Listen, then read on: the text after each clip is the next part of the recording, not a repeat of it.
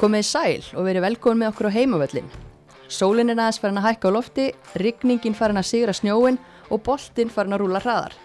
Það er nógum að vera og ímislegt hægt að ræða en í dag ætlum við að beina sjónum okkar að landsliðunum okkar.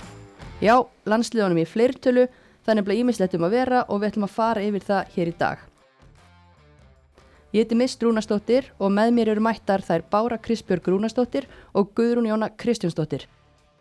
Og þetta er heimavöllurinn.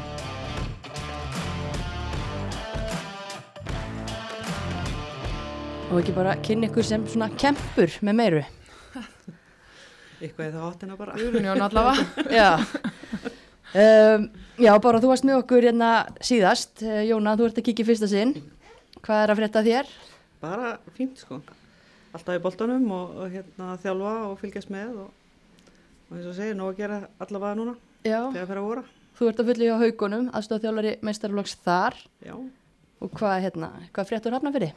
ég bara, við erum bara að undirbúa okkur fyrir sumarið og, og, og það bara gengur vel.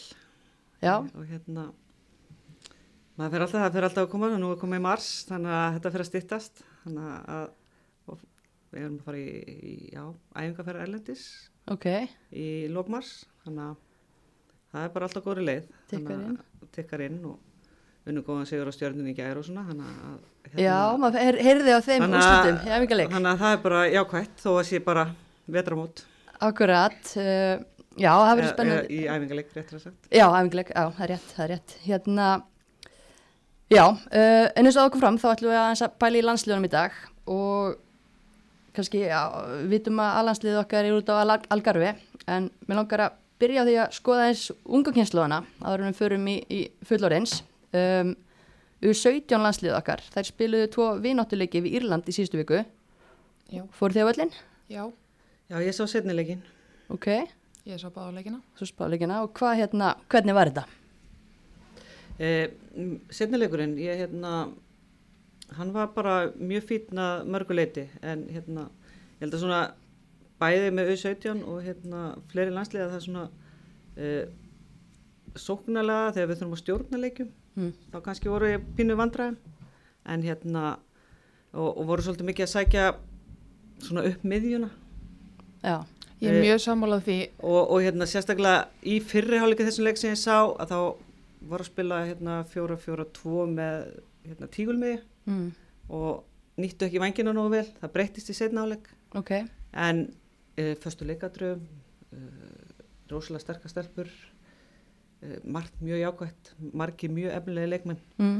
þetta er náttúrulega bara eitthvað sem að við höfum ekki bara í yngri landsliðunum átt erfitt með að stjórna leikjum heldur líka í, í eldri landsliðunum akkurat. það er bara eitthvað sem við þurfum að læra Já. þetta er eins og merkilegt. Ég tók nefnilega til nákvæmlega saman og það pyrraði mig svolítið. Fyrsti leikurinn sem það spiluðu, þá byrjuðum við rosalega stert, fyrstu tíu. Mm. vorum bara þvílíkir yfirbyrju, bara færi til færi klúðurum.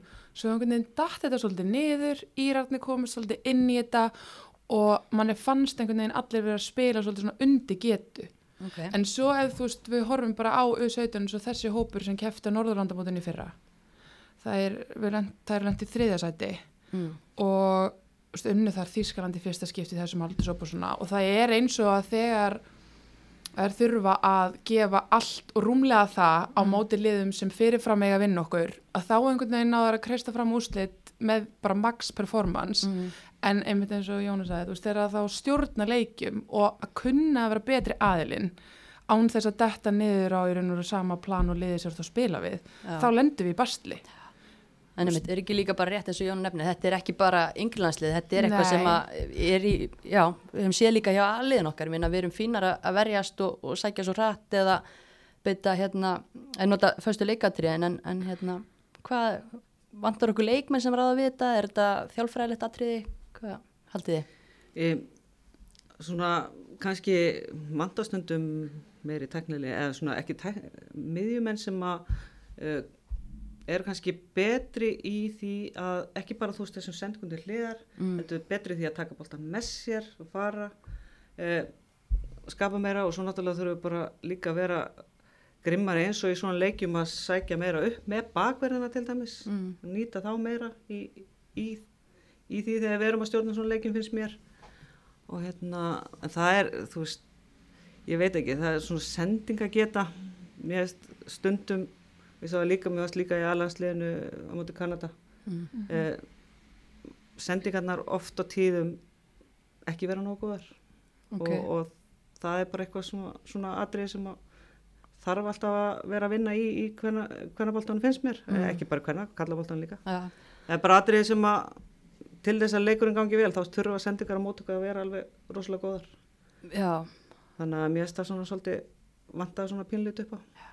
En kannski mikilvægt hjá KC myndi vera að búa til þessi verkefni fyrir þessar stelpur, ég meina þarna eru hvað, 20 stelpur sem, fá að, sem spila landsleik, fullt af skiptingum er allar að spila, mjög flott stelpur.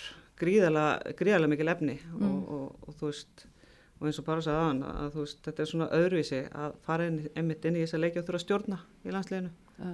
og hérna og það er bara eitthvað sem við þurfum að læra En Hvernig það er líka kannski smá að því að eins og við eigum kannski einhverju nokkra leikmenn eins og þetta með landsliðin, við eigum kannski bara ekki, það er kannski bara ekki ja, margir, þú veist, fá þeir nóga samkeppni, mm, þessir bestu, þú veist, eru við að fá nóg samkeppni fyrir þær í leikjónu sem þær spila hérna heima Mm. og þá fyrir við að horfa á hvernig bara deildirnar eru, bæði fyrsta deild og Pepsi deild og svo annar flokkurinn og allt þetta Mm. um, þú veist, ég held bara við erum ekki það mörg að, sam, veist, að stóri góði hópurinn, þessi framúrskarandi er miklu minni heldur en hjá starri þjóðum. Þannig að við þurfum í raun og veru held ég til þess að ná einhverjum bætingu þarna að fara að setja meiri kröfur á leikina hérna heima og leikmennina hér í öllum liðunum, ekki bara þessum stæstu og það áalveg að vera alltaf lægi að setja kröfur á fitness og hraða og hérna þjálfa eftir því. Af því að við höfum bara ekki luxusinu að velja úr mörg hundruð manna leikmönnum sem eru bara allir jafn góðir og þá kemur þetta bara niður á hverju betri jóðutesti Mm. við erum ekki með þetta magn af þessum gæðum en við eigum vissulega eins og í þessum aldur svo mikið af efnilegum stelpum. 2003 árgangurinn er mjög sterkur á landsvísu. Já, hann er Já, mjög og það er yngra árið í þessu lands, landsliði. Já, já. Það er mjög áhugavert ef maður skoða leikmannalistan hvað eru margar af yngra ári sem er að spila þessa leiki til dæmis. Já, mjög.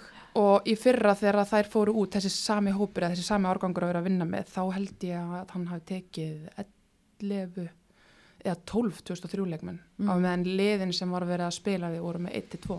Já, Já, hann er mjög sterkur þessi 2000 ár, Þú veist. þrjú ángangur. Ég er náttúrulega þjálfaði líka í haugunum í þriðaflokki, þannig Já. að árgang og ég sé bara, þú veist, náttúrulega fullt að leikjum Já, þar. þið er þrjár, mjög efnilega er það ekki? E, jú, við hefum mjög, og, og fleiri raunni, sko.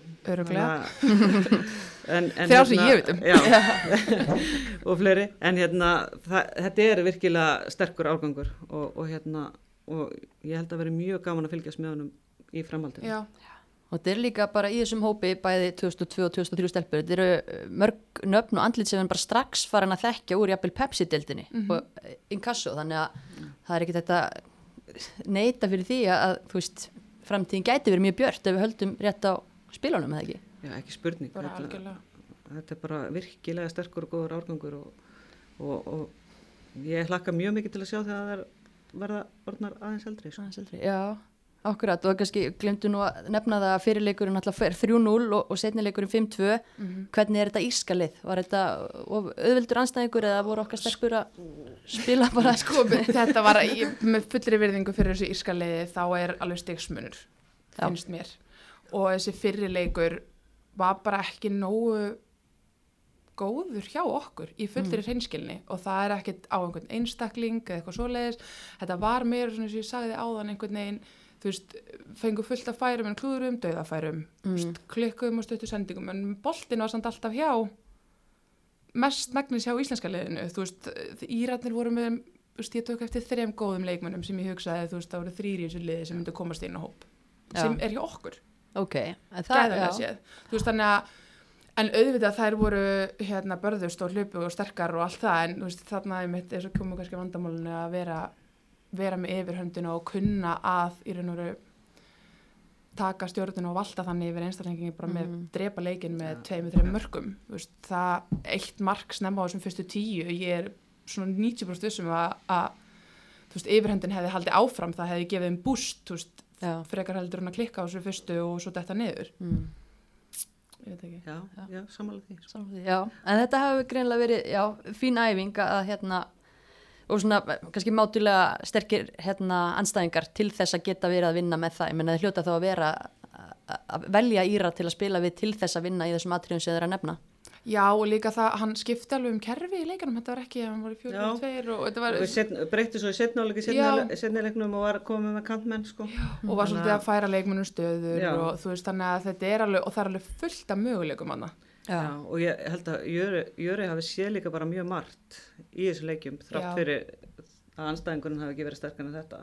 Það er á Ah. leiðin í milliriðla núna í lókumars sem er skjáttlast ekki já, já. fyrir EM, mm mm Jú, ég held að. Og þá eru það að fara að mæta liðum, þú veist, þessu Danmörku sem vann Norðurlandamótið í fyrra mm og Slóveni er með skjáttlast ekki og Ítalíu, minni með reyðlinn sé, ég var ekki, já, það verður en þú veist, það verður spennandi að sjá hvernig það fer að því nú er danska liðið mjög stert, Já, það eru voru geggjaðar í fyrra. Já, akkurat, við bara fylgjumst vel með, þetta er fullt af flottum fullt af flokkum og skipulagi þú veist, skipulagi yfirlegt í íslenska landsliðinu er, eða þú veist, öllum liðanum er mjög gott þannig að, Mm. þannig að það er mjög flott Það verður að gera góð hluti. Hmm. En já, það er nóg að gera hjá öðru yngri landsliði, bara akkurat núna. U19 var að, hérna, bara að í rauninni leiðu við setjum sniðu, voru þeir að klára uh, fyrsta leik sinn úti á La Manga. Þær eru þar í æfingaferð, af því að þær eru einmitt líka að fara í undanriðil til að reyna að komast á EM. Eru unnu tvo undanriðila í fyrra og þurfa að fara í gegnum þriðja riðilinn núna, verða að vinna hann til að komast á EM, eru á La Manga, vinna Svíþjóð í fyrsta leik, 2-0, er það ekki bara mjög stert? Það er mjög stert. frábært sko. En ég meina, ein, ein, já, það, ég, þetta U19 lið er rosalega spennandi lið já, mér finnst bæði 2000 árgangurinn og 2001 árgangurinn mjög sterkur líka. já. það er Já. bara ef þú lítur á hennan hóp Þetta er alveg, Þetta er- Kanónur. já, það eru kanónur hérna og, og hérna uh, margi leikmenn sem voru að spila gríðalega vel hérna í Pepsi-dildinni í, í fyrra Mm og, og svo er ég spennt að sjá hvernig Sveindís kemur upp í Pepsi líka -hmm. uh, á næsta ári. Eru, og sóknarlega er þetta lið með gríðalega marga góða leikmenn. Það er náttúrulega leikmenn líka þarna sem gæti verið með alansliðinu, hún Alexandra. Já, uh, sem gæti verið verið þar á Algarve frekar en þarna með U19 að mínum mati en, en hérna fær mjög góða leiki þarna með U19 já. já, akkurat, ég ætla nú að spyrja ykkur að því á eftir en við getum svona rætt að núna, ég menna hún væri væntalega ekki að vera í hérna risalutverki með aliðinu en hún er opbóslega mikilvæg í þessu U19 liði hún er mjög mikilvæg í þessu U19 liði Algjörlega. og þær eru að fara náttúrulega í rosalegt verkefni, þær eru í döða færi á að geta komist í lokakefni EM og hérna En Þetta getur líka fært henni þótt að, auðvitað, maður sér hana sem allansleisreimann í framtíðinni ef hún heldur áfram eins og hún hefur verið að gera. mm. En hérna, líka getur verið mjög dýrma reynsla eins og þetta að í raun og veru vera mikilvæg hlekkur í þessu liði sem á sjens á þessu. Mm. Segjum svo að þetta hefnist. Já, Hugsa ykkur hvað það er mikilvæg reynsla Já, svo til þess að taka algjörlega. í framtíðina. algjörlega sko. Þannig að þetta er svolítið svona, já, þetta er ógeðslega spennandi. Ég er mjög spennt að sjá hvernig hún líka bara tækla þetta og Mm. ég, ég, ég, get, ég sé þetta lið alveg fyrir mig fara, fara mjög langt sko. Já. og ég minna þetta er opbúslega þjætt lið orði, ég minna það er búin að spila lengi saman að komin opbúslega sterkur kjarni hana Já. Já. Ég meina ef þú kíkir bara á byrjanlega í dag bara þú veist fremstu fjórarögla sem að eru hérna Bertís Fanni Sveindi Stein, Hlín Eiríks Karolín Lea mm og fleiri aðna sem það getur ég meina Áslega Munda var ekki í byrjanleginu hún á ég. bekknum, þú veist við getum talið endalist þarna -hmm. sem er, þannig að þetta er mjög spennandi lið sko. Já, það er einmitt eftir að spila á Ítalíu og Danmörku að núti á La Manga og, vonandi halda þið bara áfram að, að fá sjálfströst og, og vinna sigra. En, en síðan er það þessi hérna undarriðil sem það þurfa að klára. Hann er spilaður, hvað, í byrjun apríl bara rúmi mánuður. Og þar þurfa að, eða, þar mæta þær Rúslandi, Búlgari og Hollandi. Og bara eitt lið kemst upp úr riðlunum hvernig svona metiði möguleikana okkar svona raunhæft? Mótið þessum þjóðum. Þekkið eitthvað til hinna, hinna liðana Ég er ekki búin að sjá Rúsland og Búlgaríu, ég hef séð aðeins á Hollandi. Holland uh, er búin að vera mikill uppleið með sinn kvennabólta, náttúrulega eftir EM, alansleið þeirra, um, 17 leðir er stert. Uh, ég hef ekki séð 19 leðir spesifíst en ég gæti alveg trúa að það sé svolítið svipa bara. Það eru Mhm. svolítið sóktjarvar, svolítið mikið fjóru þrý þrý og hérna þannig að mér finnst, ég held að það væri sannilega sterkasti anstæðingurinn þar, ég þekki ekki Rúsland og Búlgari Nei, ég Jóna. þekki það heldur ekki nú vel. Ekki Rúsland og Búlgari. Búlgari. Nei, ég þekki það ekki nú vel, en, en hérna, en þessar þjóðir samt eins og Rúslandir eru yfirleitt með svona, Það eru náttúrulega með fjölda já, að... fjölda og, og, en ég til að, ég held að já, sko, ég þeir held að til séu staðar. góðir og, og hérna, Er það ekki? Jú. Ég, mér finnst það svona þegar, þegar ég heyri þetta sko, að, að hérna, að möguleikandi séu bara mjög góður á móti þessum liðum. Já, ég, já, ég er allavega mjög spennta að fylgjast með þessu og það er bara vest að það er ekkert að sjá þessa leikjutulega manga. Hérna, það hefur verið geggjað að ná, hérna, tjekka á þessum sigurleik núna áðan. Já, ég meina, vinna svíja, það er, það er aldrei, það er alltaf flott að vinna svíja. Já, nákvæmlega, ég var eitthvað að reyna að skoða hvort ég fyndi eitthvað tölfræði eitthvað um leikin, það er eitthvað, það er voða lítið, eitthvað minna lítið hérna inni, en já, já, við bara, við fylgjumst með og, og hérna, já, höfum trú á okkar, okkar konum, um, já, og þegar við tókum upp síðasta þátt, þá hérna var alhanslið okkar að undirbúa sér fyrir Algarve, eða á leiðinu og við vorum eitthvað, hérna, við vorum að giska. Alls konar giskleik með mis hérna gáluðum árangri eins og gengur gerist en hérna já þær eru bara mættar út og, og móti byrjað. Þær hérna já Ísland byrjar að spila á móti Kanada sem er í fymta set á heimslistanum uh, gerum jafntefli við Kanada fyrir nokkrum árum á sama móti held ég aftur núna 0-0 sáu þið leikinn E, ég sá svona meiri, meiri partin úr honum Já. og hérna, frábær úslit, mm. byrja því, en, en hérna, ég held að stefnum það sjálfar í landsliðinu sé alveg sammála um það að, að þú veist ekkit samt sérstaklega vel spilaði leikur, mm. e, bara að var frábær, e, varnavinnan var góð, sem ég var Sandra mjög, mjög hérna sterk í markinu líka. já, En svona byrjun á leiknum, svona eftir fyrstu, ég leist ekkert á eftir fyrstu tíu, e, það var mikið stress í liðinu, náðum illa að halda bolta, e, mikið af feilsendingum. Og Kanada hefði svona á þeim kabla alveg geta klára leikin, en hérna, en það raunir sér svona hægt og síðan dýta og hérna, Agla María fær, eitt færi hana, hún skýtur í slá já, og hérna og Gunni kemur svona fær svona frákast en, en ná ekki nýta það. Mm. Eh, og, en í setna áleik þá náðu það svona aðeins að halda bolta betur og ég held að það sé svona ég, ég mér langar að sjá og við, það, við erum með það nógu sterka leikmenn já, já, Í- að við eigum að geta haldið bolta betur og ég vil sjá það meira. Þó að við séum að spila móti svona sterkur þjóð Mm. og mér fannst þið kannski geta nýtt að líka betur að Kanada var svona að spila með þrjá, hafsenda já. og en kannski og með bakverðina mjög hátt uppi þannig að netti kannski okkur í að okkar kantmenn voru í miklu varnarhlutverki en hérna ég hefði viljað sjá okkur nýta betur þau tækifæra að sækja móti að hotnin opnast svolítið mikið þegar þeir verið að spila þetta kerfi já. og ég svona komið svolítið á óvart að Agla María spila hæra megin og Selma Sól vinstra megin ég hefði viljað sjá þetta öfugt Já, hérna. Eh, veit, ég veit ekki, kannski var einhver ástæða fyrir því en mér finnst bara að Agla María búin að spila svakalega vel á venstrakantinum Mhm. með hérna bregðarblik og Selma hæra megin. og Selma hæra minn en ég meina, og, en þú veist, ég veit ekki hver ástæðan var en, en ég meina er frekt ef ég segja að ég vil meira frá Öglumari sko, meira. hérna nei sko ég er alveg sammála að því að mér finnst þú núna búin að vera að spila á þessu leveli, hún er ung já, og hún er búin að vera að spila í Pepsi-deildinu og hún er búin að vera eitt svona mest ábærandi leikmærin í Pepsi-deildinu í svolítinn tíma alveg frá því hún var í stjörninu, svo fyrir hún í breðablik og hún er hvað, hvað er hún fætt, 99? 99. Já, og hérna fer á EM, fær reynslu þar og svona og veist, allir sem hafa séð kvennabólta sjá hvað hún er hröð. Og horfir á hana hérna heima hvernig hún tekur menn á og það er alveg viðbjör að fá einn og einn.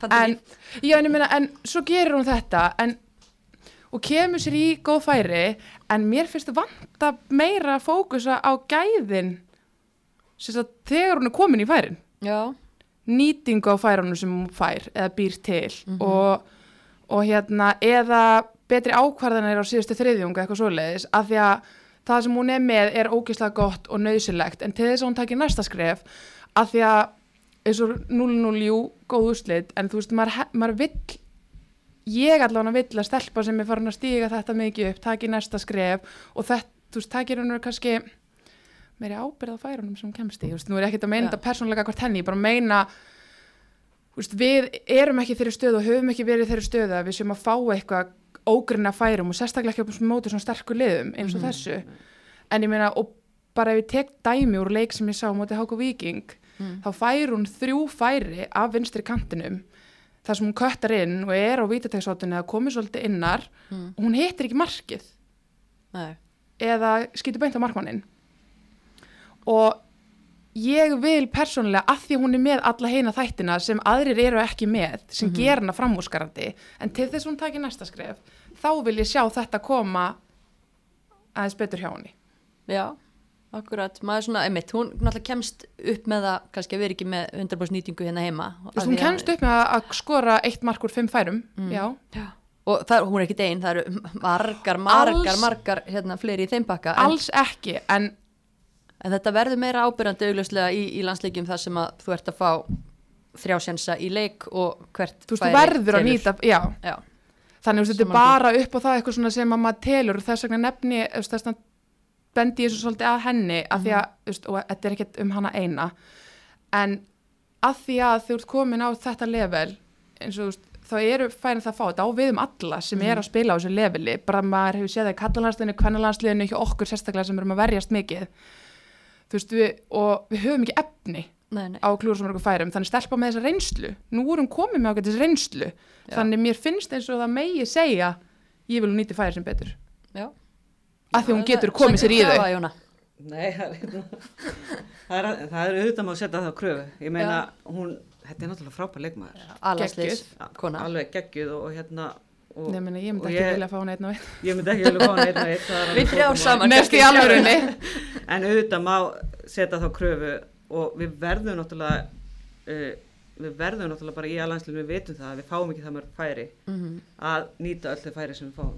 Já. En í þessum leik á móti kanda við fengum ekki mörg færi og ég hefði viljað sjá okkur gera betur sóknulega. Mhm. Og ég held að við, við eigum meira inni sóknulega. Já, og við höfum í svolítinn tíma, þetta er náttúrulega búið að vera óttalegt bras, ég menna þegar harpa og margillar hafa dottið út meittar, ég menna við, það gengur illa að skora. Já, Það er höfuverkur sem að Jeffsy og, og Jón Þór þurfa að fara að leysa úr. já, já Já, algjörlega, algjörlega og, og bara svona uppspili yfir höfuð, bara svona þú veist, allt spil. Mér finnst þau bara geta miklu betur í öllu uppspili, e, þú veist, Varnar að vinna maður frábær, baráttan í þessu liði frábært. eins og Hallbjörn að sagði, það er, það finnst öllum hundleðilegt að mæta Íslandi af því að þú veist, þetta er náttúrulega bara eins og þú sért að mæta, ég veit ekki hverju, sko. Mhm. Þú veist, alla tæklingar og allt, þetta er bara frábært. En ég vil bara með langa svo að sjá okkur stíga þetta skref að ná að spila boltanum betur og sækja meira á þessu lið. Já, ég er alveg sammálað, þú veist, þetta er bara, þú veist, liðið hefur nánast undantekningalöst síðustu ár, spilað góðan varnarleik og það er alltaf passion og hjarta í þessu, en við þurfum að taka næsta skref. Algjörlega. Og hérna en já, þú nefndir hérna Söndru áðan, hún var flott í markinu í leiknum, en Kanada á 16 markskot á móti fjórum íslenskum. Ég veit nú ekki hvort þau fór, þau fór nú ekki öll 16 á, á markið, en, en Sandra svona hefur fengið hrós fyrir sína framistöðu og varnalínan um, það eru ykkur svona leikmenn sem einhver fannst standa upp úr fyrir utan, utan Söndru? Fyrir þetta söndru, Já. já, þú veist, ég, ég er náttúrulega mjög hrifin af miðvaraparinu, Glótísi og, og Sif mm -hmm. og, og svo meði Sif og, og an, þú veist, það kemur ekki slæmur hafsendur inn að Anna Björk er mjög góð líka hafsend. Þannig að við, mér finnst við vera mjög sterkir þessu, þessum stöðum og hérna eh, Sara Björk stendur alltaf fyrir sínu en ég svona hefði vilja að við nýttum hana betur í þessum leik mm. og hérna og hérna en já er svona miðvarapari ég, ég hrósa því sérstaklega og, og söndru. Já, og talandi um miðvarapari, náttúrulega eh, Freysi var ofta að spila þeim þremur móti þessum sterku anstæðingum uh, Jón Þór búin að stýra núna sem tveimur leikjum og eh, er með fjörumannlínu Ingi Björg hægri bakurur, hvernig finnst ykkur hún kom út þar? mér finnst hún koma fínt út varnalega en, en ég, þú veist, sóknarlega eins, eins og ég segi þá væri alveg til ég að sjá meiri sóknar bakverð en Mm. varnalega er hún náttúrulega bara mjög góð og mjög sterk og náttúrulega er það góða og, og, Já, og ekki búin að hún er- spila sko, hún er, hún er fín á boltan og er með fína sendingar en, en þú veist, En þetta fennir líka svolítið eftir, þú veist, hvað Jón Þór vill. Vill Já. hann bakverð sem er mikið að fara, vill Mhm. hann hafa hana svolítið passífa, þú veist, maður veit það ekki, maður þarf Nei. svolítið að leifa honum Já. með þetta er svo erfitt að segja, þú veist, en við vitum að hún er góð varnalega. Mhm. Þannig að maður svona þarf vel að svolítið að sjá hvernig, svolítið betur hvernig hann er að hugsa þetta, hvað er hann ekki búin að spila tvo leiki? Er maður er alveg enda svolítið sko. svona, já, og ekki, einmitt. erum við að fara að spila eitthvað upp með bakverðinu, eða þú veist, við veitum samt alltaf að Hallberg, hún fer, Já, þú veist, Hallbjörg getur hlaupið Já, hún fer þannig að þú veist, e, þú veist, allt í lægi að hafa þá hinum megin, en það væri gaman að sjá okkur einhvern tíma að spila, með kannski meiri svo djarfari bakverður líka hinum. Ég, bara velti því fyrir mér, þú veist, ég allavega með við þess að hópa núna tvo sem hann er búin að taka og hérna eins og þetta, þessa uppstillingu. Ég er svolítið ég er svolítið að velta fyrir mér og reyna að fatta hver, hver pælingin hans er. Mhm. að því að leikmannadrillunar sem hann gerir eins og þú veist, þeir leikmann sem þetta út og svona þú veist, ok ætlaru, og, einmitt, og svissa köntunum þú veist, hvað viltu fá í þessum stöðum? Mm. hvað ætlar að láta þessar stöður gera? Hvað ætlar það kantmennin að gera, hvað ætlar það bakarinn að gera ætlar að hafa kantmennin þetta og leggja aftarlega og þú veist, ég, ég, ég, svona, ég er Nei, ennþá svolítið að skilja hvernig hann er að setja þetta upp. Já, ég líka, ég var einmitt að pæli, þú veist, bara hver hugmyndin, hver, hvað væri á bakvið það, þú veist, Agla María var á hæri kanti og, og, Mhm. og Selma Sóla vinstri, en ekki öfugt. já. Ég meina, þú veist, hann hefur örgulega haft ástæði fyrir því. já, en þú veist, maður aftur en, ekki alveg á því. en ég átta mig ekki á því. Nei. þannig að, að þú veist, auðvitað er maður bara að sjá þetta er leikur nummer tvö og maður er svona aðeins að átta sig á því hvað hann vill fá frá liðinu og hvernig liðið er að spila. Já, og það er gaman þetta að velta því fyrir sér Já. og pæli því, menn að maður hefur ekki hugmynd. Báði leikinir á útivelli og, og hérna lélum gæðum á netinu skilur um að geta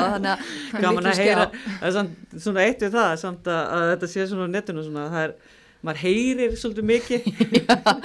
Leikmenn tala og, og sérstaklega fyrir áleika að það mjög, mjög gaman að hérna, það heyrir svo vel í söndru markmanni í, Já, já, já, að maður svona heyrði hvernig var að stjórna og, og tala og mér fannst það svolítið skemmtilegt að, að heyra það. Ég er sammála. Að maður saknaðist líka, þú veist, eins og maður horfa á handbóltaleiki og mækin alltaf komin í, í ræðuna hjá þjálfaranum og svona, maður er stundum svolítið langt frá veginn já. á fótboltavellinum Þannig að mér fannst svolítið gaman og, og þú veist, maður heyrði það sérstaklega í hotnum þegar allir leikmið voru svona að tala saman og, það getur kannski hlusta á að og greina. Já, það var svona aðeins að greina skilbúin en mér fannst það mjög gaman að hlusta á það. Já, uh, Anna Gaman, hérna Dagný snýr aftur, hún er náttúrulega ekki búin að spila landsleik bara síðan hérna, hvað múti, Tjekklandi, úti. Kom það ykkur óvart, sko, kannski bara bæði að hún væri í hóp af því að hún er ekki búin að spila það lengi og að hún, já, fengi þarna, eða tekið þarna einhverja mínútur? já Já, segi bara. Já, mér finnst það sérstakt að því leitunni til að hún var ekki búin að spila leik. Mm. Um, mér finnst eh, náttúrulega eh, þeir sem hafa hort eitthvað á hennar bolta lengi og hvernig bolta vita hvað dagni getur. En eh, hérna, hún er ekki búin að spila í eitt og hálft ár eða rúmlega Mm og mér finnst sérstakt að velja hana inn upp á það að gera að hann er ekki búin að sjá hann spila leik eftir að hún fór í batnegni, batnegnarleifi. -hmm. Uh, þannig að þú veist á hvaða forsöndum er hann að velja hana og af hverju velur hann hana fram yfir það að gefa einhverjum sjenn sem er búið að spila vel í pepstildinni og nú er ég ekki að segja það að þeir leikmenn sem ætti að fá sjenn sér jafn góður og hún en Mhm. hvaða skilabóð sendir það að velja leikmann sem er ekki búin að spila leik núna svona lengi til annara leikmanna? Já, Ég, ég hugsa að hann, hann hafi, ég veit náttúrulega ekki hvað hann var að hugsa en ég hugsa að hann hafi bara, veist, Dagný er náttúrulega mjög mikilvæg fyrir þetta landslið Já, í, í öllu þannig og ég hugsa bara að hann hefur aðalega langa, þú veist, nota þetta til þess að sjá hvar hún væri stödd Já. og ákveða að nota akkurat þetta mót og tækifæri til þess. já. en af hverju, má ég þannig spyrja af hverju er landslistjálfar að gera það Já, auðvitað á hann ekki að vera að gera það. Eða, en, en, ég er ekki, og ég er ekki og bara þannig að segja kristaltæru mér finnst daginn í frábæð leikmaður og hún á 100% að vera í þessu liði mér finnst þetta bara, hefði þetta verið gert með einhvern annan leikmann hefði einhver annar leikmaður þú veist, fengið þetta í raun og veru þannig þú veist, og auðvitað er hann að gera þetta til þess að skoðan og ég skil það en mér finnst það bara að þurfa að vera þannig að hún eigi að vera búin að spila leik með liði sem hann sér þannig að hann geti metið, ok, nú vil ég sjá hvernig hún funkar í landsliðinu. Mér finnst landsliðið einhvern veginn ekki að vera fyrsta liðið sem hún spila með eftir svona langa pásu. En svo kannski horfur hann á það, ég meina Dæni er topp þrýr leikmaður hjá okkur, hún er, við þurfum að hafa hana í gangi til þess að komast á EM, við þurfum á hana að halda, hún er leikilmaður og verður það vonandi ef hún hérna, kemst nær sínu besta formi aftur og hérna, Já, ég, ég vona það svo sannlega að hún komist aftur í sitt besta form og, og, og þetta Og er hérna- náttúrulega svo langu tími sem, sem þið hafa að núti, það er kannski bara dýrkeft líka að taka hann ekki með upp á, hann er, hann er byrjaðar í þessari vegferð, byrjaðar að undirbúa liði fyrir Já, ég, ég hugsa allavega að hann hafi vilja allavega að kíkja á, en ég veit ekki, en auðvitað er ég sammála, að, þú veist, auðvitað hefði örgulega verið betri kostur að, að vera búin að skoða hana. En, en ég skil hann samt að vissu leiti að vilja sjá hvað hún er stödd. Já, ég skil það 100%. Mér bara utan að komandi finnst mér þetta eh, hérna, svolítið spesnálgun að gera það svona, en ég fatt alveg hvað Já, þú átt við já. Já, já. En svo líka bara mann maður eftir því, þú veist, með kallalanslinn, ég man nú ekki hvaða ferð það var, en ég menn Aron Einar, hann fyrir einu sinni meittur í ferð bara því hann er svo opbóslega mikilvægur í hópnum, hann var aldrei að fara að spila, hann var bara að fara að taka þátt í undirbúningi og, og hérna, bara vera með hópnum, þú veist, þannig að, En hún spilaði nú ekki marga mínútur í þessum Nei, leik, en, en, nei, nei, en þú sá það samt strax hvað hún dregur rosalega að sér.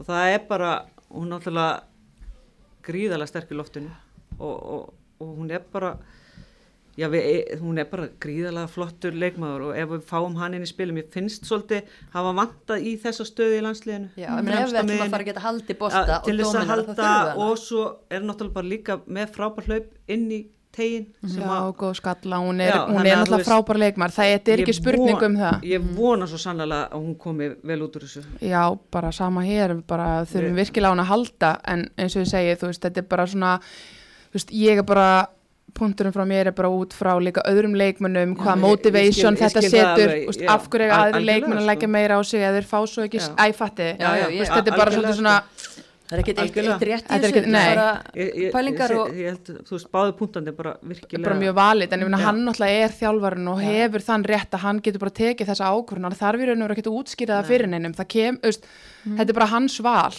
Akkurat og, og maður virðir það bara, en maður getur náttúrulega haft skoðun á því. Einmitt. Já, og hans val, hérna, eh, Sandra Maria Jessen meiðist, og það er búið að velja hann í hópin, hún meiðist, Ásta Eir kölluðinn, hún spilar sinn fyrsta landsleik, spilar sérsta kortir í leiknum, hæri bak, hún, hvernig- nei, hún kemur á kantinn. Hún kom á kantinn fyrir ekki, ræri ræ, hérna, já, hvernig, hvernig fannst ykkur það kom út? uh, sko Ásta er ég er búin að fylgjast með henni og mér finnst hún búin að vaksa gríðalega mikið í þessu bakvara hlutverki hjá Breiðablík og finnst hún mjög flottu bakvarur Mm. Hún átti mjög gott síðan í fyrra. Já, mjög gott síðan og ég var mjög ánægð að sjá hana en mér fannst samt kannski svolítið sérstætt að taka hana inn fyrir Söndrumar í Jessen skilum við eh, taka bakvörð inn fyrir Kantmann. kantmann en, en hún átti það svo sannlega skilið og mér fannst hún koma bara flott inn í hennar leik en, en ég hefði viljað fá að sjá hana í Í bakvörðin bakverðinum, já, Já. akkurat. Akkurat. Og talandu um bakverði, Hallbera spila landsleik nummer 100. Gekki tímamóti á, á henni. Hóruðu þið á viðtalið sem Hulda tók við fóreldrinnar á hérna, Instagram síðu heimavallarins. Að sjálfsögðu. Já, flott.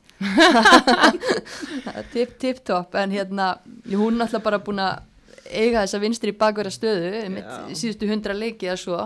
Já, alg, algjörlega og, og, og hún verðist nú ekki alltaf að fara að slaka á sko en, en, en ég er svona kvíðið í hver á að taka, taka við Já, Já, ég er alveg með áslögumyndu tilbúin að það. Það eru áslögumyndaði mjög lík ungri Hallberu. Já, Það er hérna, þannig að hlaupa, hlaupa, hlaupa, hlaupa. Hallbera hérna, gat, þetta hefur alltaf verið, hún alltaf getað hlaupið svona ógeðslega mikið og alveg svona, og svo þegar ég sá myndur og fyrsta sem ég hugraði vola minnir hún með Hallberu þessi. við höfum segja það var alveg Já, veist, þannig að maður við eigum alveg fullt af leikmenn sem geta tekið við en þú veist, þú- náttúrulega það, það verður náttúrulega bara hörku samkjöfni það veldur líka á því veist, við erum búin að vera með svolítið hérna fast, þetta er svolítið fara að koma kynnslóðskipti bráðum Já, og svo náttúrulega nýr þjálfari þannig að þú veist, vill hann hafa bakverð sem er að fara svona mikið, Já, er ætlar hann að fá sér eitthvað, þannig að þetta er, þetta er allt voðalega já spennandi þetta, er- þetta, er- þetta er ekki og, spennandi en, en hérna fyrir utan náttúrulega bara hvað hún er frábæð karakter. Skemmtileg Já, viðtölu og- þannig að og mikilvæg í þessum hóp. Maður sér það bara. Já. en hérna já, 0-0 á móti Kanada. Næsti leikur á móti skotum á mánudag og Jón þarf örgulega ekki verið hoppandi káttur að fá skotana aftur eða nýbúin að spila æfinguleik eða vin- vinnantileik við þær. Unnum þær á La Manga byrjun ásins uh, hvað hérna haldið að við munum sjá í þeimleik haldið svo höldum áfram að giska geta yðurnar, haldið að hérna, hann sé að fara að keira á sama liði eða verða breytingar? Ég held að verða einhverja breytingar. Ég held að núna fyrstu mánu árs aðeins kannski inn í sumar erum við að fara að sjá svolítið af rótiringum af því að hann er ennþá að móta held í sína hugsun með hvað hann, hvað hann er með í höndunum mm. og hvernig hann vil púsla þessu en Já, ég hugsa, vil ég líka skoða aðeins þá leikmenn sem að var að taka inn líka. Mhm. Í Hvaða hópinn. breytingar verið þið spenntar að sjá til dæmis? Ég, ég er alveg spennt að sjá hvernig Margrét Lára kemur aftur inn í ég landsliði. líka Mm.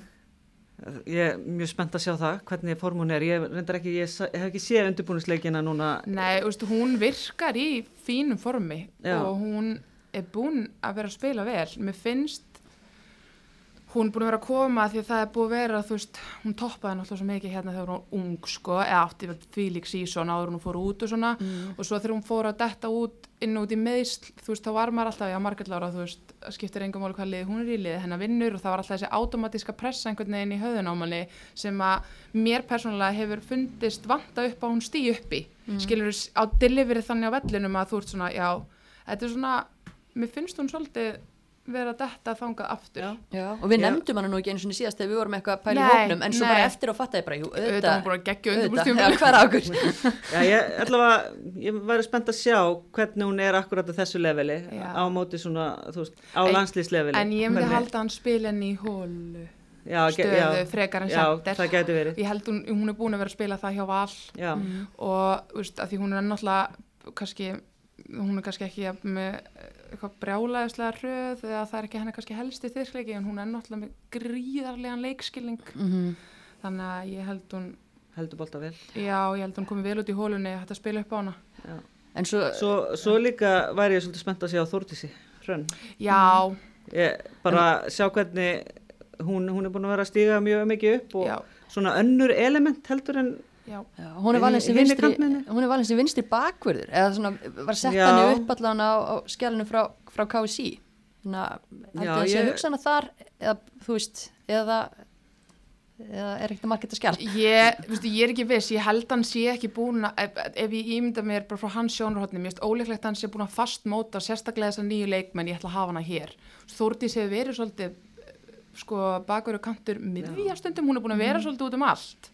Þannig að, hérna, eins og segja, þetta er svolítið bara snýst um hvað hann er að sjá, veist, ég persónulega væri, hérna, til ég að sjá hana framar. Já. Eh, já, ég er sammála. Ég, ég hérna, væri til í það líka.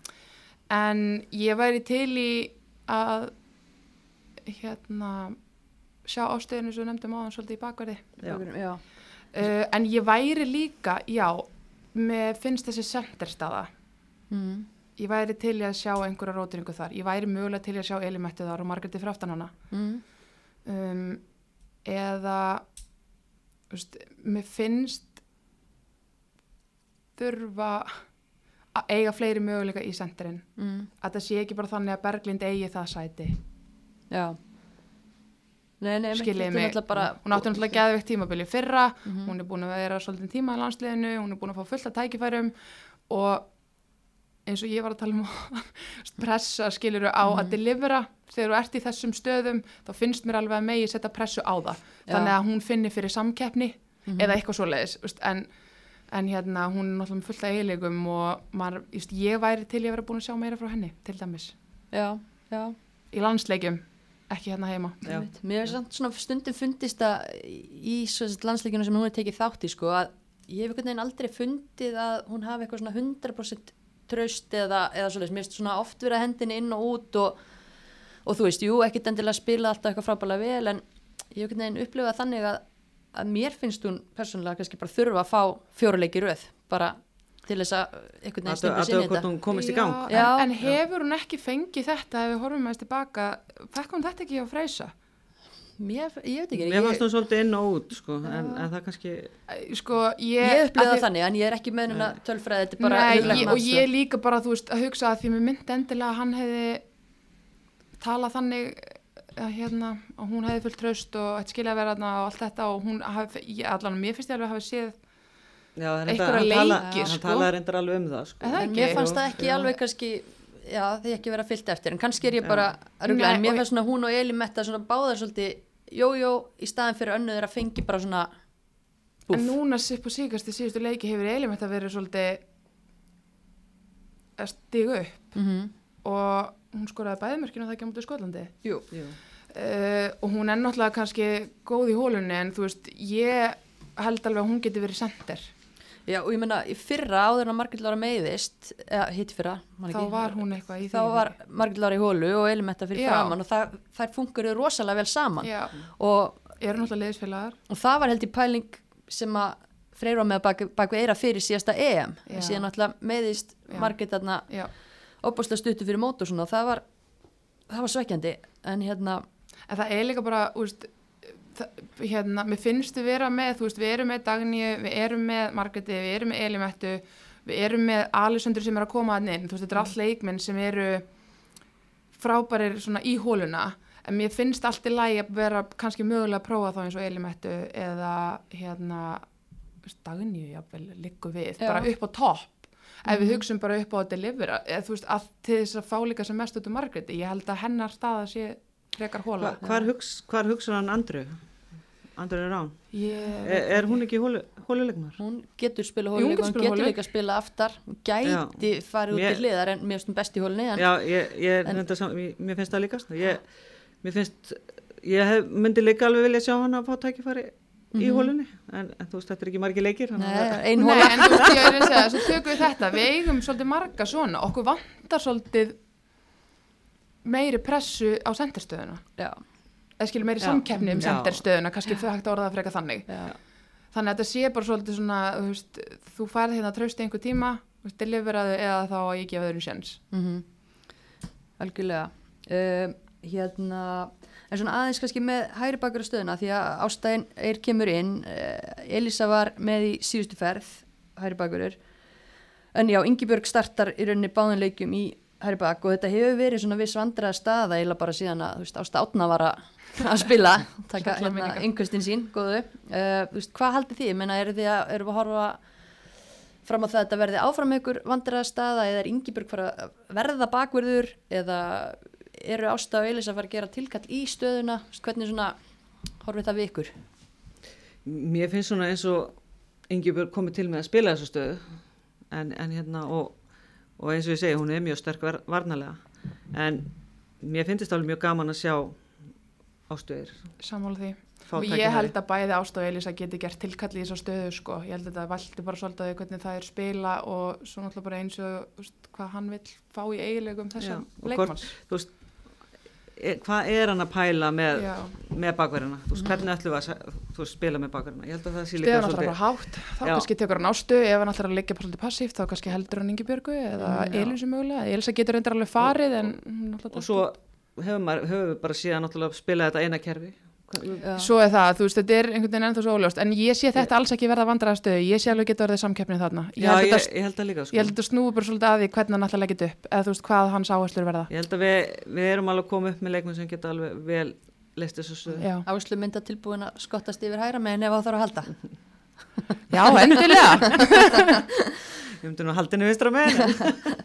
nei, nei. en svona hérna með hópin ég meina uh, þú veist, við erum búin að nefna þessa leikmenn sem kannski já, þú veist, koma inn náttúrulega Dæni, Margrét Lára Ástæðir, Þordís Fandís dettur út bara ræðið, stelpur, hvað hérna, Sko, ef þú hefði spurt mér fyrir tveim mánuðum, mm. það hefði þetta ekki komið mér á óvart. Ég vil að segja það. ok Eða bara út af því að mér fannst hérna einhvern veginn þegar hún kemur aftur til Íslands í fyrra og í valsliði, hún var ekki að spila illa en mér fannst hún einhvern veginn ekki finna pláss í valsliðinu, eða skiljið hvað ég, mm hvernig eiginlega valslið nýtti hana. get ekki sagt það eiginlega þannig. Hún er einhvern veginn, voru að próna kantinu, voru að próna í hólinu og einhvern veginn small ekki alveg nógu vel fannst mér í valsliði fyrra. mm. Uh, síðan fer hún út til Ástralíu Spila og, og er akkurat að spila vel á þessum tímapunkti og komin aftur í gott form. Þannig að þá kom það mér verulega óvart, hún skildi ekki vera vali. Ég, mér finnst þetta stór undarleg ákvörðun. Þú veist, ég ég hefði ekki giskáta fyrir Nei, fram. ég- ég ég, hefði aldrei ég get bara sagt það reynskilnislega ég hefði aldrei hugsa já, fandist þetta örglút þú veist, maður hugsa kannski svona þessi getur verið tæp, þessi getur verið tæp sem er ekki búin að festa sig kannski jafnvel í sessi Já. og þótt að ég sé alveg hlind því og vill hafa þannig að það sé samkeppni og ég vil að enginn finna þeirri örugt sæti að þá ef ég hefði verið að taka þessu ákvörðun þá hefði ég ekki tekið fandist út úr hófnum Eða ekki á þessum tíma. ekki á þessum típundi, Nei. nú er hún búin að spila mjög vel í ástrali, búin að að skora, bullandi Já. sjálfströst Komin í komin já, í gang, og líka sko. bara ég það svo hérna það sem að einhvern veginn nær til mín er líka einhvern veginn ástæðan sem hann gefur svo í viðtalinu þar Já. sem hann segir hérna já, ég ætla að gefa henni, hún er búin að vera miklu álægi og ég ætla bara ekki að taka hann og gefa henni kvíld en hann tekur svo Gunnhildirsu sem var í sama prógrami með sér út og þá fyrst mér það gengisfella Já, það, ástæðinu sem hann gefur Já, ég, ég maður horfið bara á þetta. Heyrðu, ok, hún er búin að vera í ómiklu, en hún ekki. Hvernig stendur það? Og er hún Já. svo ekki að fara til bandaríkjana? Jú. Þannig ég skil ekki þessa ástæðu en ég meina ég, sko, svo er það líka. Það hafa allir skoðun á því hvernig það er valið. Mér finnst eiginlega að skipta mestu máli eins og þetta. Af hverju gefur hann þessa ástæðu? Ef að ástæðan fyrir hún er ekki í hópnum er einfallega svo að hann vil prófa aðra leikmenn. Þetta Af er hverju- ekkit ástæðan, Nei, alveg veist, tala. akkur, Getur en akkur verið. segir hann ekki bara herðu, ég vil bara skoða aðra leikmenn í þessari stöðu og þá enginn fast sæti í liðinu. Já. og það myndu allir bara, vá ég myndi ekki gera þetta en ok, cool, eða þú veist, það myndi enginn kippa sér upp við það. Hann hefur rétt á því. rétt á því, þetta er hans starf. En mér finnst hann gengisfella eigið val með hendur undir hópnum með að gefa þetta sem ástæðu og velja Gunni mér finnst að þetta Já. bara Já. fallum sjálft sig Ég Ég, er ég sammála. sammála því. Sammála. En já, það sem er hann hefur... bara, Fandís er bara með svo mikla eiginleika og getur brotið upp leiki Já. og veist, með sinn hraða, skorar upp úr engu ég meina hún er búin að komin- vera einn hættilegsta leikmaður okkar í Já, mörg já. ár þó hún hafi strögglað í Pepsi í fyrra og ekki Ég- náð ég sér, ekki vel í Fraklandi skiljuru, þá hefur hún samt alltaf verið fín með landsliðinu. Hún var besti leikmaðurinn okkar á EM, hún en- hefur alltaf, þú veist, þegar landsliðið hefur spilað illa, hefur hún verið með betri leikmönnum. ég held að sem ég veist oft líka þegar við höfum verið að spila landsleiki og það er kannski svolítið dögt sóknarlega þá gerir hún eitthvað, tekur fyttu, keirir inn, fáum mm. hotspinnu og allt í hennu komið smá sjálfströst Kraftur, já, Já. já. Þannig að úst, mér finnst þetta mér fannst þetta undarlegt en ég fór að hugsa ok, hún út, Sandra inn hann er kannski að hugsa Söndru á vinstri kantinn ok, en þú veist, eins og ég segi þá hefði ég bara sagt ég ætla að gefa öðru leikmenn tækifæri, ég er ennþá að velja hópin sem er mér finnst sterkastur og þetta er bara það sem ég er að gera núna það hefði ekki getað sagt Ég er neitt við komin þessu. í inn og ég Já. langar bara að skoða fleiri leikmenn En og... hérna að gefa einhverju svona afsökun, hálfa afsökun fannst mér eitthvað svo skrítið, en svo tekur hann ástu inn þegar Sandra dettur út, Mhm. þannig þú veist, það er sem sé, ég átta mig ekki alveg á hver pælingin hans er Nei. og setur hann á kantinn, þú veist, ég, Nei, ég, það komir á orð. Þetta er svolítið skrítið og mér finnst þetta ekki alveg, að því að, þú veist, mér finnst alveg flott hvað hann er búin að vera óhrættu við að mynda að taka erfiðar ákvarðanir. sammála. Þú veist, það er bara, Það- já, það er það er meira en að segja það. Já. En að samaskapið þá finnst mér þetta meh, þú veist, Já. ástæða, ég bara, Já, algjörlega samanlega. hérna, já, svo náttúrulega Alexandria, hún dettur út líka, en við erum svo sem búin að ræða það, hún er að fara í U19 þar sem hún er í líki hlutverki. Uh, Elís og Anna Rakel detta út og þú veist, það er mitt ástæðir og Þórdís koma þar inn og maður hefði þá haldið eru þær að, þú veist, eru hann að velja þær sem bakverði en svo fyrir ástæðir á kantinn. Já, en hann tekur líka sko, í fyrri hópin tók hann átta varnamenn, Mm. hann tekur sex í setni, Mm. þannig að það er þetta bara reynd út, það var rauninu engin valin heldur beint fyrir þær. Nei, en ég var bara svona að hugsa, þú veist, já, Ásta Elisa, Anna Rakel, Þórdís, ég menna, þú veist, getur verið að pæla í svipu leikstöðum, en, en hérna,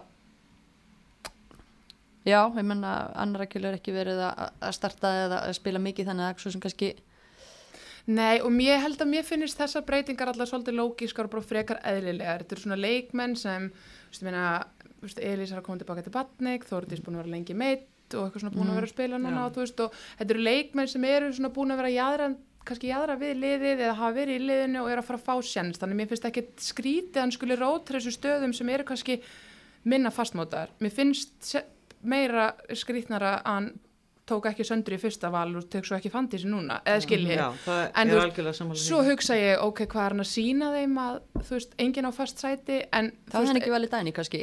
nei, Nei, að því, þú veist, þetta er eitthvað svo þversagnakent, Mm. finnst mér, Já. og mér finnst ég ekkert einhvern veginn svona geta sett puttan á það að ég skilji hvað hann er að reyna að fá fram með þessu. En þú veist, mér finnst alveg abskrítið að fandist þetta út og það að hann hafi valið daginu án þess að hún hafi spilað eitt og allt ár. En ég get skilið báðar ástæður en ekki þar sem hann gefur upp Þetta er dulafilt, við þurfum að fara að ná í skotti, Við skotti erum á að fara, manninum. þú verður að fá Jón Þóringa Lefunum að, að svara fyrir þetta, við að alltaf spyrja að. Við þurfum að bara, Jón, við þurfum að fund við erum að hugsa hana lestri hérna. Já. En, Nei, en hérna- þetta er allt bara frekar spennandi samt Já, og er, og gaman að sjá hvað kemur út úr þessu ég meina kannski skilar þetta okkur einhverju bara sem er algjörlega óvænt mm algjörlega, en svo er eitt annað sem ég langar svona aðeins að eh, velta upp með ykkur uh, því að það er búið að tala oft og mikið um markmannsmálin en þú veist, tök, tök það spjall bara enn einu sinni og með nýju, nýju fólki í menginu og svona. Þú veist, Gugga er náttúrulega mitt núna hún er nummer eitt, við veitum það. Uh, hún er fætt 85, Sandra og Sonny verður nummer 2 og 3 bara síðustu ár, fættar 86 eiga allar einhver ár eftir, það er ekki málið. Uh, fjara verið Guggu, þá er Bryndís Lára Valin fætt hvað, 91 eða ekki? Og svona fólk hefur verið að viðra áhyggjur sínar af því að það sé svo langt í næstu markmenn eftir þessum heldri konum hérna, jafnöldur mínum. Uh, hvað þú veist, hvað finnst ykkur? Er þetta áhyggjafni, er eitthvað sem KSI geti gert í þessum málum? Þetta er ágefni mm. og líka uh, held ég að við getum bara svolítið kent okkur sjálfum um vegna þess að eða þú veist, þjálfarar getur kent svolítið sjálfur sér um með þetta vegna þess að mér finnst allt og lítið um það að ungum leikmannum sé gefið tækifæri og það er teknið meira inn útlendingar heldur en að gefa ungum markmannum tækifæri til að spila algjörlega. Og ég held að það sé bara fyrsta vandamáli og auðvitað, en ég get alveg trúa afsakið að það Já. sé að fara að verða breyting þar á. Ég, ég vona það sko. Að því að sko það eru efnilegi markmenn Anita ára FH sem eru í 19 Mhm. auður sem eru í val Já, það eru að við með þær eru 2000 nei, auður Anita- 2003, Anita er 2000 já, Já. og svo ertu með auður ekki 2003, 2002 2002 fyrir ekki, já svo ertu með Sessi sem er 2003 já, svo ertu með Anitu Ólaf sem er í IA kom frá Viking svo ertu með Byrtu Guðlaug sem er 2001 og eru í Mhm. stjörnunni Stjörnunni. Já.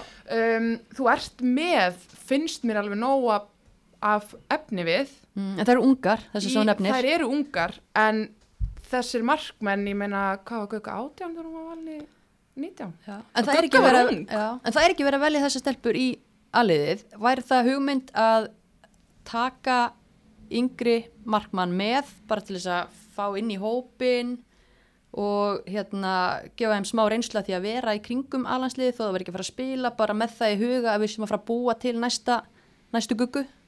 Er það galið eða?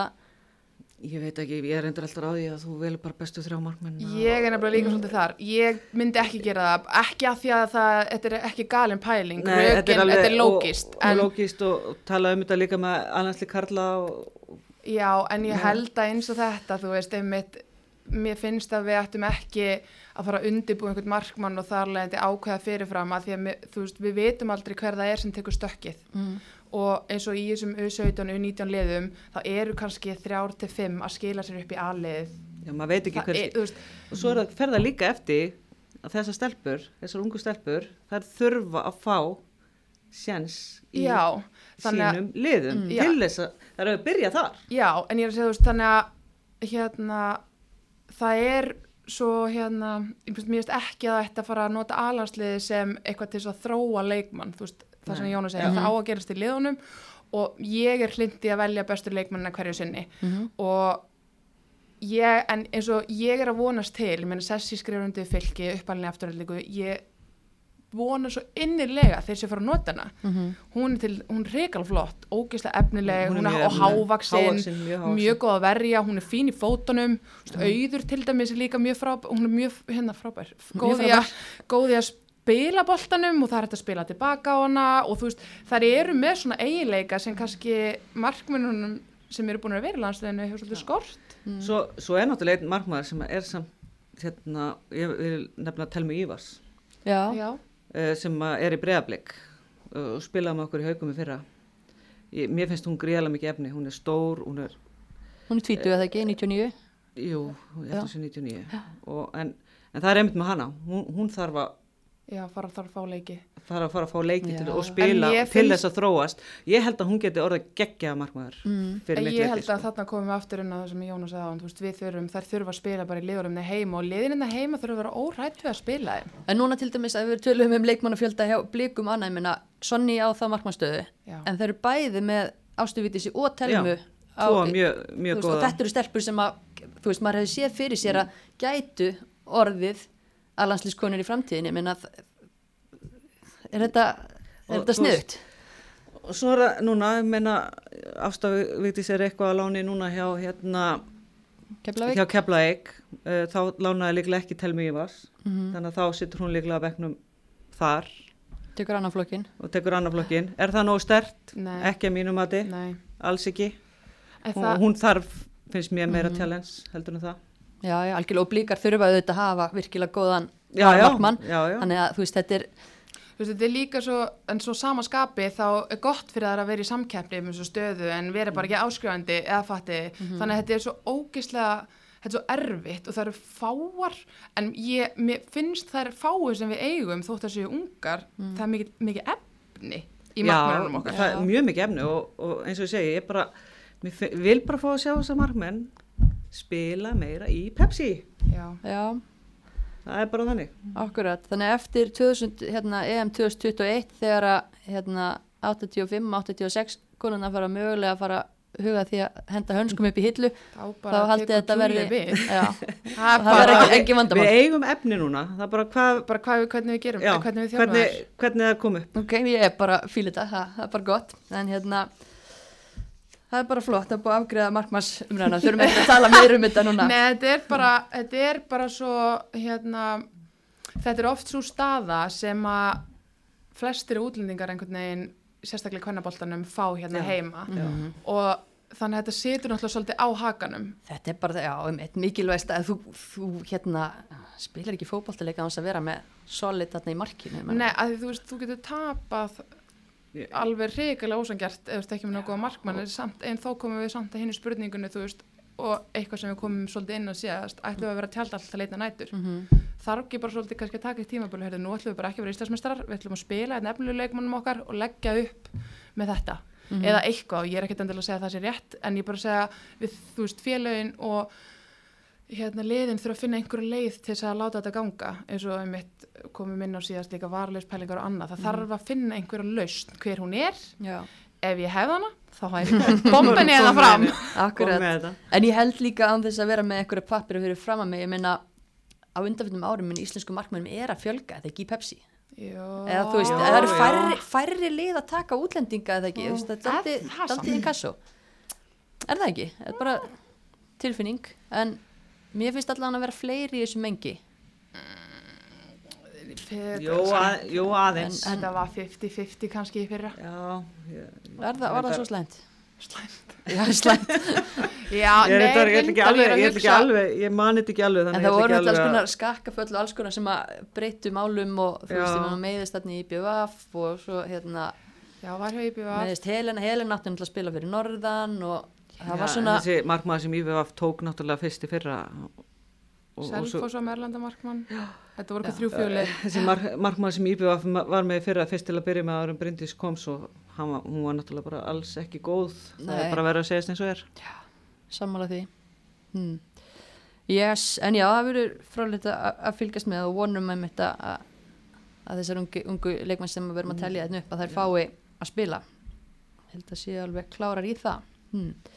En svona kannski í lokin, það voru náttúrulega risa fréttir í síðustu viku mál málana, það er búið að draga í hérna riðla fyrir undankeppni EM eru því spennufalli? Já, nei, alls ekki. Svíþjóð, Ungverjaland, Slovakia og Lettland. Hvernig líst ykkur á riðlinn? Mér líst vel á þetta. Já, ég, mér finnst það góða möguleika. Mér líka. Ég, ég held að þetta hafi bara verið fínt fyrir okkur. Svíjarnir er náttúrulega sterkir, við vitum það. En á góðan degi þá getum við alveg henni svíja eins og þjóður. Já, já, algjörlega. Já, akkurat. Það er þannig að eitt lið fer beint uh, úr hverjum riðli í, í lokakeppnina og svo þrjú sem enda í hérna, öðru sæti með bestan árangur Ég- þar fylgja þeim. Ég Þannig að þetta er, hinli, þú veist, ég held að þessi svíja leikur verður bara... við eigum- Make or break, Já, sko. make or break. Og, Og við endum á þeim. finnst að við eigum að, að taka hitt, sko. Ég er sammála því, fyrirfram þá Já. eigum við að vinna hinn liðin frekar örugt. er það ekki? Jú, mér finnst það. Mm. Það Ég er er svona. Þannig að mér finnst þetta að vera svolítið, En mér finnst Svía svo, hérna, svíjarnir eru alltaf sterkir, það er alltaf erfitt að spila við þar, en mér finnst við samt einhvern veginn svona að vera að færast næri þeim. Já. Svíjarnir náttúrulega, já þeir eru alltaf sterkir og ná alltaf langt en hérna e, mér finnst það samt ekkert búnar að vera eitthvað frábærar Nei, just, mér finnst það ekki búin að vera eitthvað framúrskarandi landslið, þú veist, mér finnst þetta ekki það að þær eru náttúrulega landslið er gott og ég meina við höfum tapað fyrir þeim oft og allt það sko, og en ég meina næri yfirleitt langt á stórmótum og hana en, en mér En- finnst bara, mér finnst þetta samt vera svona pínu möguleika fyrir okkur mér líka, mér finnst þetta bara verulega, ver, hérna virkilega bara raunverulega mör- möguleiki á að vinna reyðilinn sko. Sko Lettland, það er í 93. seti á heimslistanum, við aldrei spila við þar áður, Slovakia í fjö- 45. seti, tvisa við þar, unnið þar tvisvar, Ungverjar 43. seti, 5 leikir, 5 sigrar, veist, við gerum, sko, það var ég- ég bara geri bara- bara skandalla. er bara að krafa. Að við klárum þessa leiki og svo verður þetta bara spurning um svíjarleikin en ég með líka líka svo erum við að tala um áðan hérna að leikmenn og lið, þú veist, kunni ekki vera betri aðilinn, síðustu ár hefur alansliðið allavega náða að vinna leikina sem það er eiga að vinna þokkalega öruglega. Já, Þú veist, það er ekki búið að vera mikið af óvæntum úrslitum síðustu ár eins og Slóvinni eða 6-0 en þær eru sterkar og það er alltaf fyrirfram svona ok, Já. við vitum ekki alveg en svo vinna er 6-0 eða 4-0 eða eitthvað Við hefum alveg tekið þessa leiki nokkuð örgulega já, þannig þú veist, ekki búið að vera eitthvað svona, það er ekki búið að vera mikið úrslitum í aðlarslinu síðustu ár fyrst mér kvennamegin, það sem stór hluti þessar leikmann hafi verið, þar sem að maður er í einhverju sjokki yfir niðurstöðunum þetta er yfirleitt frekar svona eftir pappirunum nema kannski einn og einn leikur Já, sem er svolítið tjekka leikarnir í fyrra sem að pyrrum mann en, en fólk var líka bara vann með þetta tekniska liðið, þú veist, ég segi það bara, ég sá báða leikina og, og tjekkarnir voru bara, eru bara á fínu róli með sitt lið. En það er líka, þú veist, þess að það er eitt leikur. Mm, All tveir. Hin, já, Já. veist, ég er að meina, ég er bara að hugsa um seinni leikin, mér fannst fyrri leikurinn alltaf lægið að fá eitt eitt eftir að hunni Þýskaland, Já, já. en hérna, en uh, svona heilt yfir þá, að, að öllu jöfnu ættum við að rúlla yfir þessi lið og við ættum að geta unni Svíþjóð á góðan degi. Já, ég er alveg samanlega því. Það er svolítið sko gaman að, að hérna, já, uh, já, við byrjum á tveimur heimaleikjum sem er bara líka mjög fínt af því að þá loksins fáum við að sjá þetta lið spila, Já, hérna, fáum við aðeins að hérna, vera betur í stakk búna til að rýna í hausina á Jóni Þóri. En hérna endum svo báðunleikjónu við Svíja, þú veist, það er bara haustið, neða, sumar og, og haust 2020, það er langt í þetta Júfa vissi að þetta eru sterkustu liðin hafa svolítið spennu í þessu. akkurat, en ég meina já, við bara gerum kröfu um að þetta verði reynir úsleituleikir um Þú fyrsta veist, þetta á Já, að já, vera, þetta á ég að vera bara, þannig. ef þetta er það ekki, þá er þetta klúður hjá okkur, sko, finnst mér. Já, ég er alveg samanlega því Þetta er bara, við eigum að vinna hinna leikina sko. Og þú veist, maður á alveg að geta sett þessa kröfu út ofinbarlega og leikmenn geta tekið því sko. Já, Það ekki er ekki spurning bara, ég, meina, það, ég veit bara að þær ætla- gera já, já, þær þær ætla gera sér þetta kröfur sjálfar. á sig að, að þær vinni og viti það og þetta verða Þetta- svíðarleikinni já. Já. Sem að verða. En þú veist, svo þurfa hann alltaf að fara í þetta eitthvað einu. Það er nýr þjálfari og nýtt upplegg Já, og það verður ógeðslega gaman að fylgjast með þessu. Auðvitað má náttúrulega ekki fara með hausinn í þessa leiki búin að vinna á fyrirfram með nei, nei. það en er við getum, við getum hafa okkur eins og fíbl Já, við megum alveg segja þetta. Við þurfum ekki ábyrgð á þessu. ef við ekki bara enda þáttin á því að, að hérna, skila kveði til landsins stelpum við gerum kröfu á að, að þið klárið þetta. Komum komi okkur á EM fjórða, fjórða EM í röð. Já, Algjörlega. algjörlega, ég hef trú á því að þær gera það. Herri Jesur, hérna, þetta var, já þetta er spennandi og, en við skulum bara segja þetta gott í bíli hérna af heimavellinum. Ég veit að önnur okkar allan að vera á seinna þjálfa. Hérna, þannig að ég bara þakka ykkur kærlega Bára og Jóna fyrir að koma og vera með okkur og þakka ykkur kæru hlustendur fyrir áhyrnina og já, kannski í lokin vil ég minna ykkur á að heimavellurinn er líka á Instagram og Facebook þannig að endilega fylgja okkur þar